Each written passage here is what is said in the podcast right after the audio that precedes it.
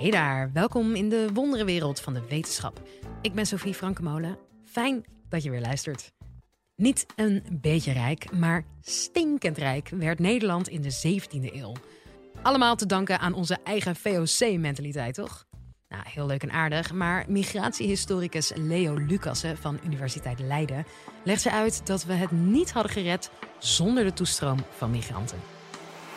Live vanuit Club Air is dit de Universiteit van Nederland. Toen ik op de lagere school zat, was een van mijn favoriete boeken was De Scheepsjongens van de Bontekoe. En dit boek vond ik een fantastische schermen, schelmen- en avonturenroman. Dit ging over drie jongens uit Horen, Padden, Rolf en Hajo, die aanmonsterden op de VOC, op het VOC-schip van schipper Bontekoe. En die een reis maakte, uiteraard, naar het latere Nederlands-Indië. En daar van alles meemaakte. Om Afrika heen. En vervolgens kwam men in de Indiaanse Oceaan. En dat waren avonturen om van te smullen.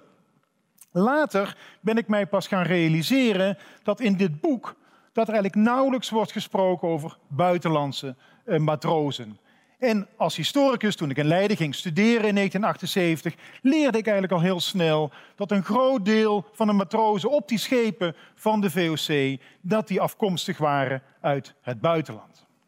Maar dat waren niet de enige vreemdelingen die een hele belangrijke rol hebben gespeeld in de economie van Nederland in de Gouden Eeuw. Want wie waren al die immigranten? Waar kwamen ze eigenlijk vandaan en hoe profiteerde Nederland daarvan? Dat is de vraag van dit college. En als je je realiseert uh, hoe Nederland eruit zag aan het begin van die 17e eeuw, dan is het ook niet zo gek dat men heel erg veel mensen uit het buitenland nodig had. Nederland was, bestond natuurlijk nog niet echt Nederland. Hè. Dat was een, was een republiek van, van gewesten die uh, op een aantal punten, met name op de, uh, als het ging om de buitenlandse politiek en defensie, samenwerkten. Dat was een zompige kuststrook waar net 1 miljoen mensen woonden. Maar wel een kuststrook die heel bijzonder was. Bijzonder omdat er erg veel mensen in steden wonen. Bijna de helft van de bevolking van de republiek, zoals we dat toen noemden, die woonde in een stad. Dat heeft de hele wereldbevolking pas op dit moment bereikt, dat niveau. Nederland was dat al in de 17e eeuw. Sterk geurbaniseerd. Ten tweede was het een land wat een hele belangrijke rol speelde in de handel tussen het noorden van Europa en het zuiden van Europa. En verder had men enorme ambities. Die 1 miljoen uh, inwoners, want zoveel waren het er aan het begin van de 17e eeuw, wilden namelijk ook een hele belangrijke rol spelen in de mondiale handel die zich op dat moment pas God begon te ontwikkelen. De eerste ronde van globalisering. En bovendien was dat landje ook nog eens omringd door hele sterke staten. Engeland, Frankrijk met Lodewijk XIV, Duitse staten en niet te vergeten natuurlijk Spanje, waar men ook nog mee in oorlog was tot aan 1648, de bekende 80-jarige oorlog. Waar denken jullie nou dat al die migranten vandaan kwamen? Wie heeft enig idee? Zwitserland hoor ik. Frankrijk. Duitsland. Nou, zijn allemaal goede antwoorden. En op het volgende kaartje kunnen jullie zien twee magneten van migratie: Amsterdam en Londen. In het geval van Londen komen verreweg de meeste migranten komen uit Engeland zelf, uit Schotland, Ierland, Wales. Kijken we naar Amsterdam, dan komen de meeste mensen uit de buurlanden, de zuidelijke Nederlanden, Frankrijk, Duitsland en voor een heel groot deel uit Scandinavië, Noorwegen en Zweden. Dat waren toen nog hele arme streken waar met name ook veel van die zeelieden voor de VOC vandaan kwamen. Nou, nu we weten waar ze vandaan kwamen, is ook nog wel de vraag van waar waren ze nou eigenlijk voor nodig? Wat kwamen ze hier doen behalve matroos op VOC-schepen? Nou, om te beginnen kwamen verreweg de meesten hier om in de stedelijke economieën te gaan werken. En dat was van allerlei soorten werk. In het geval van Leiden, waar ik zelf woon, had je een hele belangrijke textielindustrie. Textielindustrie die aan het einde van de 16e eeuw behoorlijk op zijn kont lag. Um, Leiden had het grote geluk dat er eigenlijk een vluchtelingencrisis uitbrak. Dat klinkt misschien wat gek, maar achteraf heeft Leiden daar enorm van geprofiteerd. En welke vluchtelingencrisis was dat? Dat was omdat de Spaanse troepen oprukten in de zuidelijke Nederlanden en daar uh, uh, allerlei steden uh, verwoesten waar de textielindustrie eh, heel erg bloeide. Dus eigenlijk de streek rond Lille in Noord-Frankrijk zou je kunnen zeggen. Veel van die zeer geschoolde arbeiders die tot het protestantisme waren overgegaan, vluchten voor die katholieke Spaanse troepen naar het noorden. En gingen naar steden als Leiden, als Alkmaar ehm, eh, en als Haarlem. Leiden stuurde zelfs mensen, de stad Leiden stuurde zelfs afgevaardigden naar het noorden van Frankrijk om tegen die vluchtelingen te zeggen, kom maar naar ons, dan hoef je misschien eens belasting te betalen, je krijgt een huis. Uh, hopend dat zij ook hun vakkundigheid mee zouden nemen. En dat deden ze ook. Leiden groeide in korte tijd van een stadje van 12.000 inwoners aan het einde van de 16e eeuw naar een stad van bijna 70.000 inwoners rond 1670. En daarmee was Leiden toen, nu niet meer helaas, de tweede stad van Nederland. En een van de belangrijkste centra van textielproductie in heel Europa. Dus die stedelijke economieën hadden constant arbeiders nodig. In het geval van Amsterdam kun je denken aan suikerbakkers. Nu weet u waarschijnlijk niet wat een suikerbakker is. Suikerbakkers, dat waren mensen werkzaam in uh, raffinaderijen van ruwe suiker. Die ruwe suiker kwam uit het Caribisch gebied. Die werd daar verbouwd door Afrikaanse slaven, Jamaica en dat soort eilanden werd in ruwe vorm naar Amsterdam vervoerd. En hier moest die onder zeer zware omstandigheden worden geraffineerd. Dat moest worden gestookt. Amsterdam stond vol met tientallen, ik geloof niet van 60 of 70 in de 17e eeuw. Tientallen fabriekjes stonden daar te dampen en te stinken. Dat was heel zwaar werk. En daar kwamen toch vooral immigranten op af. Want als je even een ander baantje kon vinden, dan werd je geen suikerbakker. Nou, dat soort van, van werk was er volop. En daarvoor kon men hier veel te weinig mensen krijgen. Dus die kwamen uit het buitenland. Maar dan zijn we er nog helemaal niet. Want het leger, ik heb het al genoemd, het was een, de republiek was een heel klein landje met hele machtige buren om zich heen. En ja, daar moet je je wel tegen kunnen verdedigen. In de 17e eeuw was er nog geen dienstplicht, was er nog geen nationaal leger. Was het niet zo dat de jongens of zelfs de meisjes hè, in dienst gingen? Nee, soldaten die moest je kopen. Je had huurlingen nodig. Nou, er waren bepaalde landen in Europa die specialiseerden zich erop. Schotland bijvoorbeeld, en ik hoorde net al Zwitserland. Nou, Zwitserland is typisch zo'n land waar veel huursoldaten vandaan kwamen. Die kwamen naar de republiek en werden vaak gelegerd in de grote steden. En er wordt een beroep op gedaan als er oorlog gevoerd moest worden. En ook daar waren die Nederlanders heel erg goed in. Ze waren zeer inventief uh, als het ging om militaire technologieën. Maar dat kon men ook alleen zijn door de massale toestroom van buitenlanders om hen daarbij te helpen.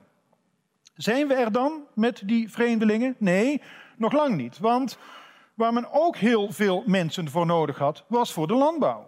Nederland had een hele moderne landbouw, op export gericht. Met name hè, moet je denken aan kaas, eh, eh, de kaasproductie bijvoorbeeld. Maar op dat platteland, omdat er al zoveel mensen in die steden woonden, eh, was dat platteland relatief leeg. Nou was dat voor het grootste deel van het jaar eigenlijk helemaal geen probleem. Maar op het moment dat de oogst moest worden gedaan of het gras moest worden gemaaid, en dat moest toen allemaal met de hand, ja, dan was er uh, wel een probleem en kon je niet zo op, op zo'n moment zoveel mensen opeens mobiliseren om dat te doen. Nou, wie deden dat? U raadt het al, buitenlanders. In dit geval seizoenarbeiders uit Duitsland. He, zoals we die nu kennen uit Polen en Roemenië, kwamen ze toen uit Duitsland. Dat waren boeren, kleine boeren met een klein bedrijfje, maar waar ze helemaal niet genoeg geld mee konden verdienen om uh, het gezin mee te onderhouden. Dus een deel van het jaar ging men naar dat steinrijke Holland om daar harde guldens te verdienen. Jaar in, jaar uit kwamen er 25.000 van deze Hannekemaaiers, zoals ze wel worden genoemd, kwamen er naar Nederland om hier uh, de oogst te doen, maar ook om werkzaam te zijn in het steken van turf. Turf is de brandstof van de 17e eeuw. Een beetje aardolie, het aardgas van de vroegmoderne periode. Ook dat werd voor een heel groot deel door buitenlanders gedaan.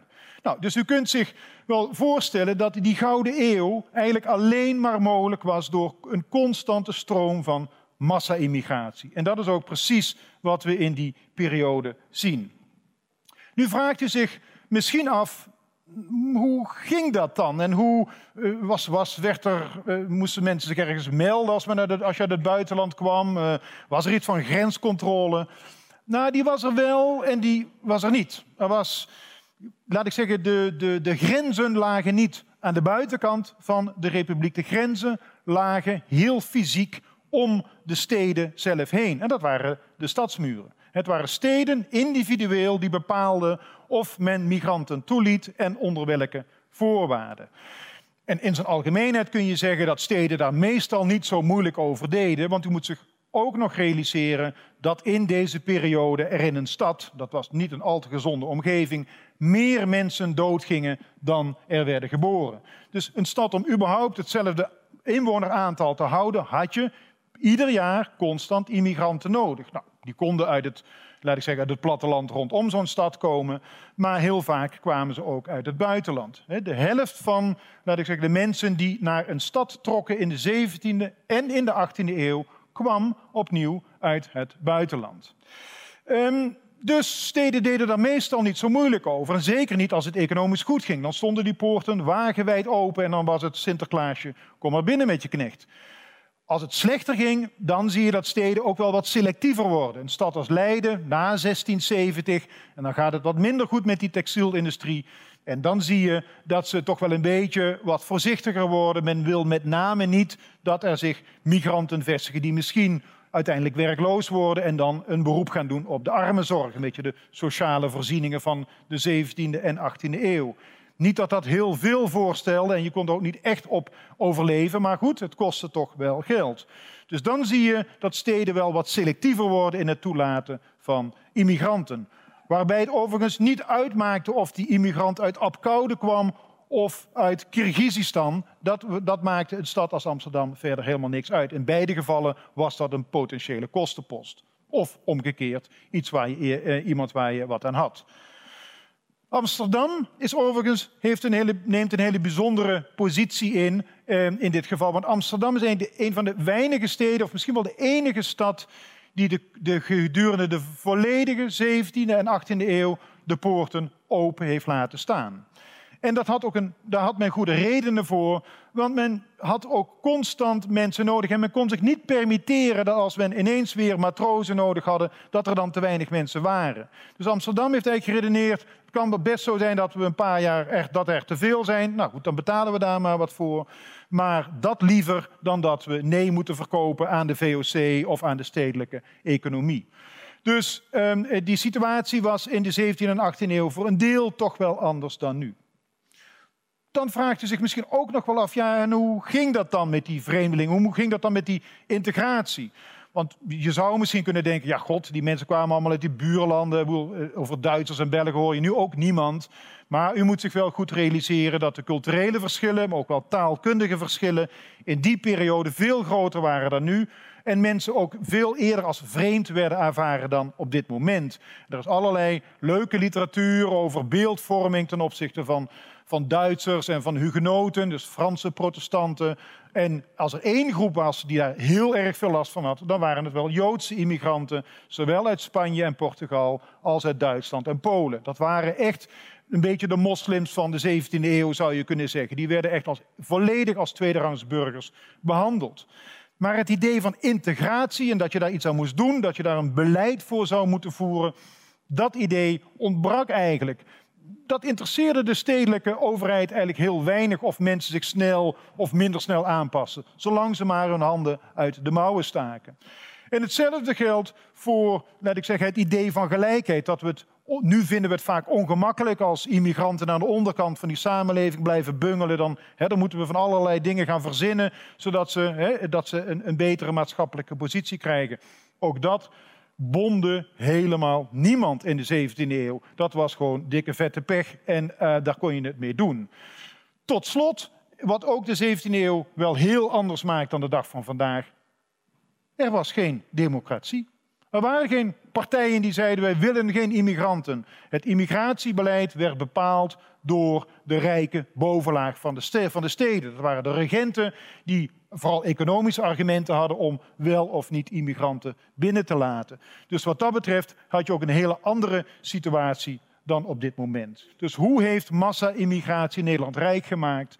Nou, we kunnen heel eenvoudig constateren dat zonder twee eeuwen massa-immigratie er geen gouden eeuw geweest zou zijn. Nederland lag volledig aan, de immigratie, aan het immigratie-infuus, zou je kunnen zeggen, in deze eeuwen. En zonder dat infuus had onze geschiedenis er heel anders uitgezien. En dan waren wij niet de, uh, de stichters van de eerste moderne economie in de wereldgeschiedenis geweest.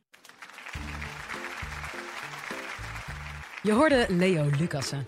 Ik weet niet hoe het met jou zit, maar ik heb er weer iets opgestoken. Fijn dat je luisterde en je weet het, elke week twee nieuwe afleveringen. Tot de volgende!